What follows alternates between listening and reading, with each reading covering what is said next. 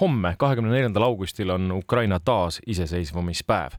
no meilgi oli hiljuti kahekümnes august Eesti taasiseseisvumispäev, mida noh, oli meilgi siin diskussioon, et kui palju meil seda tähistatakse, et meil ikkagi olulisem on see kahekümne neljas veebruar, aga et kas peaks kuidagi suuremalt ja tähtsamalt seda äh, meeles pidama. saamegi kohe uurida, kuidas Ukrainas äh, selle tähtpäevaga on ja kuidas loomulikult hetkeolukord on. meil on nüüd telefonil Jaanika Merilo, tere hommikust tere hommikust! nii, Jaanika on hetkel teel ütleme siis lihtsalt niimoodi. Jaanika, aga äh, ma alustakski kohe sellest võib-olla tõesti, et äh, kahekümne neljas august, kui tähtis on see ukrainlastele?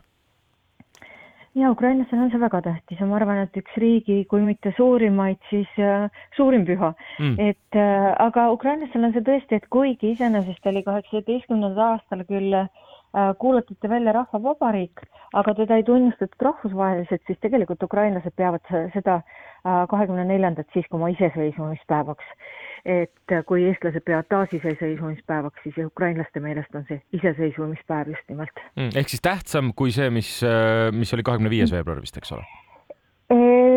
no ukrainlased tegelikult tähistavad ühte päeva, et nende jaoks see ongi nüüd see iseseisvumise mm. päev mm. -hmm nii et seda sõna taas tingimata ei pea kasutama, et see on ikkagi see nii-öelda see üks ja, ja põhiline no selle taas oleme meie vist ilmselt leiutanud mm, -hmm. et tegelikult ukrainlased nimetavadki seda iseseisvumispäevaks ja kuna meil on taasiseseisvumine, siis ma arvan, et me oleme selle loogika järgi nagu lähtunud, aga nemad nimetavad seda lihtsalt, et et iseseisvuspäev.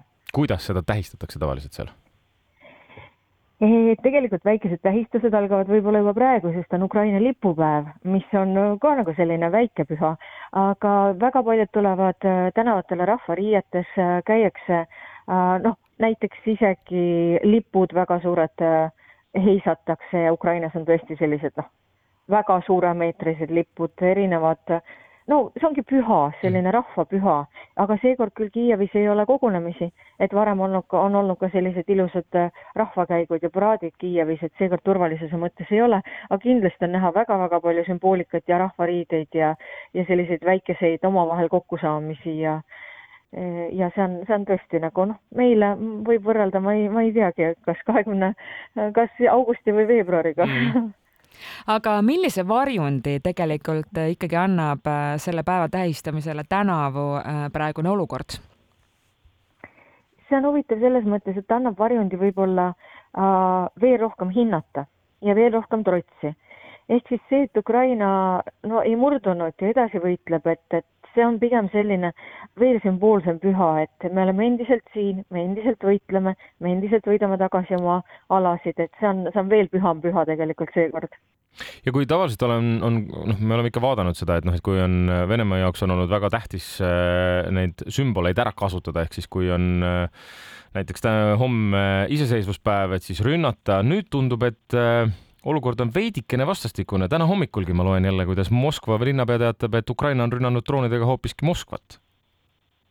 jah, see on huvitav tõesti, et praegu on naljad, et äh, et kui varem kartis iseseisvuspäeval Ukraina, et äh, Moskva pommitas, siis nüüd kardab Moskva Ukraina iseseisvuspäeval, et Ukraina pommitab, et et tõesti paraku no Venemaa armastab erinevaid tähtpäevasid ja pühendada sinna erinevaid võite ja nagu sümboolikat.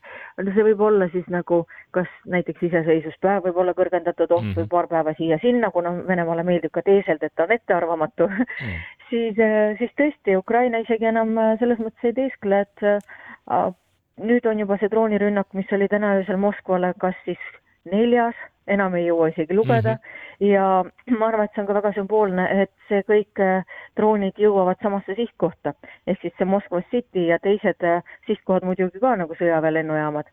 aga ma arvan, et ka see on sõnum, et, et me, me suudame tabada neid sihte, mida me soovime ja, ja Moskva Citysse järjekordselt nüüd siis juba kolmandat korda kohale jõudnud droon ongi nagu märk sellest, et ei suuda ära kaitsta kas äh, on uusi rünnakuid tulemas, kas tegemist on sellise nii-öelda noh, ei tahaks kasutada väljendit uue normaalsusega, aga, aga kas see on seda?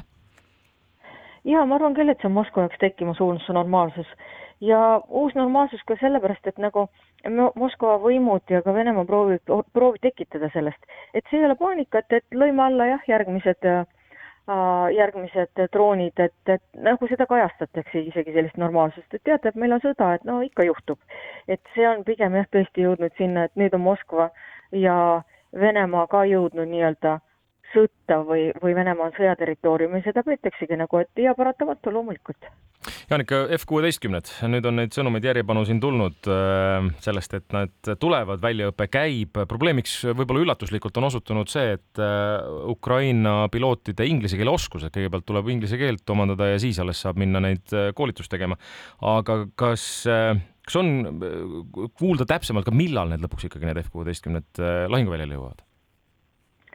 jah, nüüd on juba peaaegu kuulda peaaegu kuulda tähendab seda, et tegelikult on nüüd juba lõpuks öelnud äh, Hollandi ja Taani, et nad annavad üle kokku üle kuuekümne hävitaja. Ja see on nüüd nagu konkreetne number ja on lubatud. Ja samal ajal on ka USA kui tootjamaa äh, andnud omalt poolt loa, mida ta ei ole, mida ta on varem indikeerinud, aga nüüd ta on kindlalt öelnud, kui piloodid on välja õpetatud äh, või, ja võib lennukid üle anda see tähendab tõesti, et lennukite, lendurite väljaõpet arvati, et võib kesta kuus kuud, aga paraku on lendurid nii haruldane ressurss, et, et ei õnnestunud leida selliseid kõiki, kes oleksid nagu tipptasemel nii lenduritena ehk siis nagu vähem aega treeninguks kui ka omaksid tugevat inglise keelt ja muid omadusi.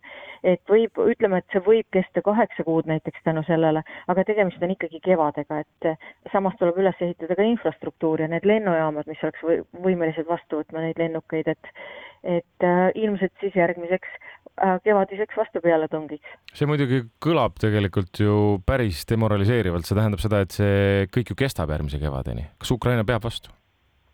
Ukraina peab vastu, see paratamatult kestab, kuna Ukraina ju tõesti äh, plaanib vabastada kogu oma territooriumi ja selge on, et tul-, peale tuleb sügis ja paratamatult lahingutegevus aeglustub ja muutub, aga Ukraina on moraalselt absoluutselt valmis, et tegelikult kui inimestelt küsitakse, et äh, kas te peaksite veel kaks-kolm aastat vastu, siis ikka üle kaheksakümne protsendi vastab, et, et, et peaksime küll.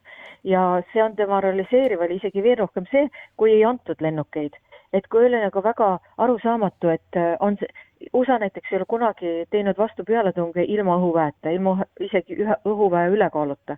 samal ajal nõuti seda Ukrainalt ja eeldati väga kiireid tulemusi, väidetavalt maailma teise kõige suurema armee vastu. et see oli masendav olukord, kus nagu ei, noh, ei lubata siis isegi lennukeid, et võib-olla te kunagi saate midagi, nüüd on nagu sihid selged ja kui on selge see, et nad tulevad, et nad tulevad kevadeks, et see natuke jälle moraliseerib või tõstab meeleolu kui äh, tsiteerida tänast Eesti Ekspressi, siis siin kirjutab Andrei Vostov äh, ka siis Ukraina sõjast. Ukraina iseseisvuspäeva eel on paras hetk küsida, kas lääne hoiakud Ukraina toetamisel on siirad.